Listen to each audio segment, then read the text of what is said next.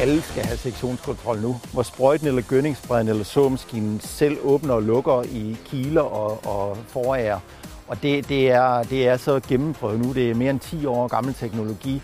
Øh, det er billigt. Det, øh, køber man en ny maskine i dag, er det med i prisen. Så, så, så jeg kan ikke se nogen argumenter for, at man skal køre rundt det ude nu med noget, der ikke har sektionskontrol på.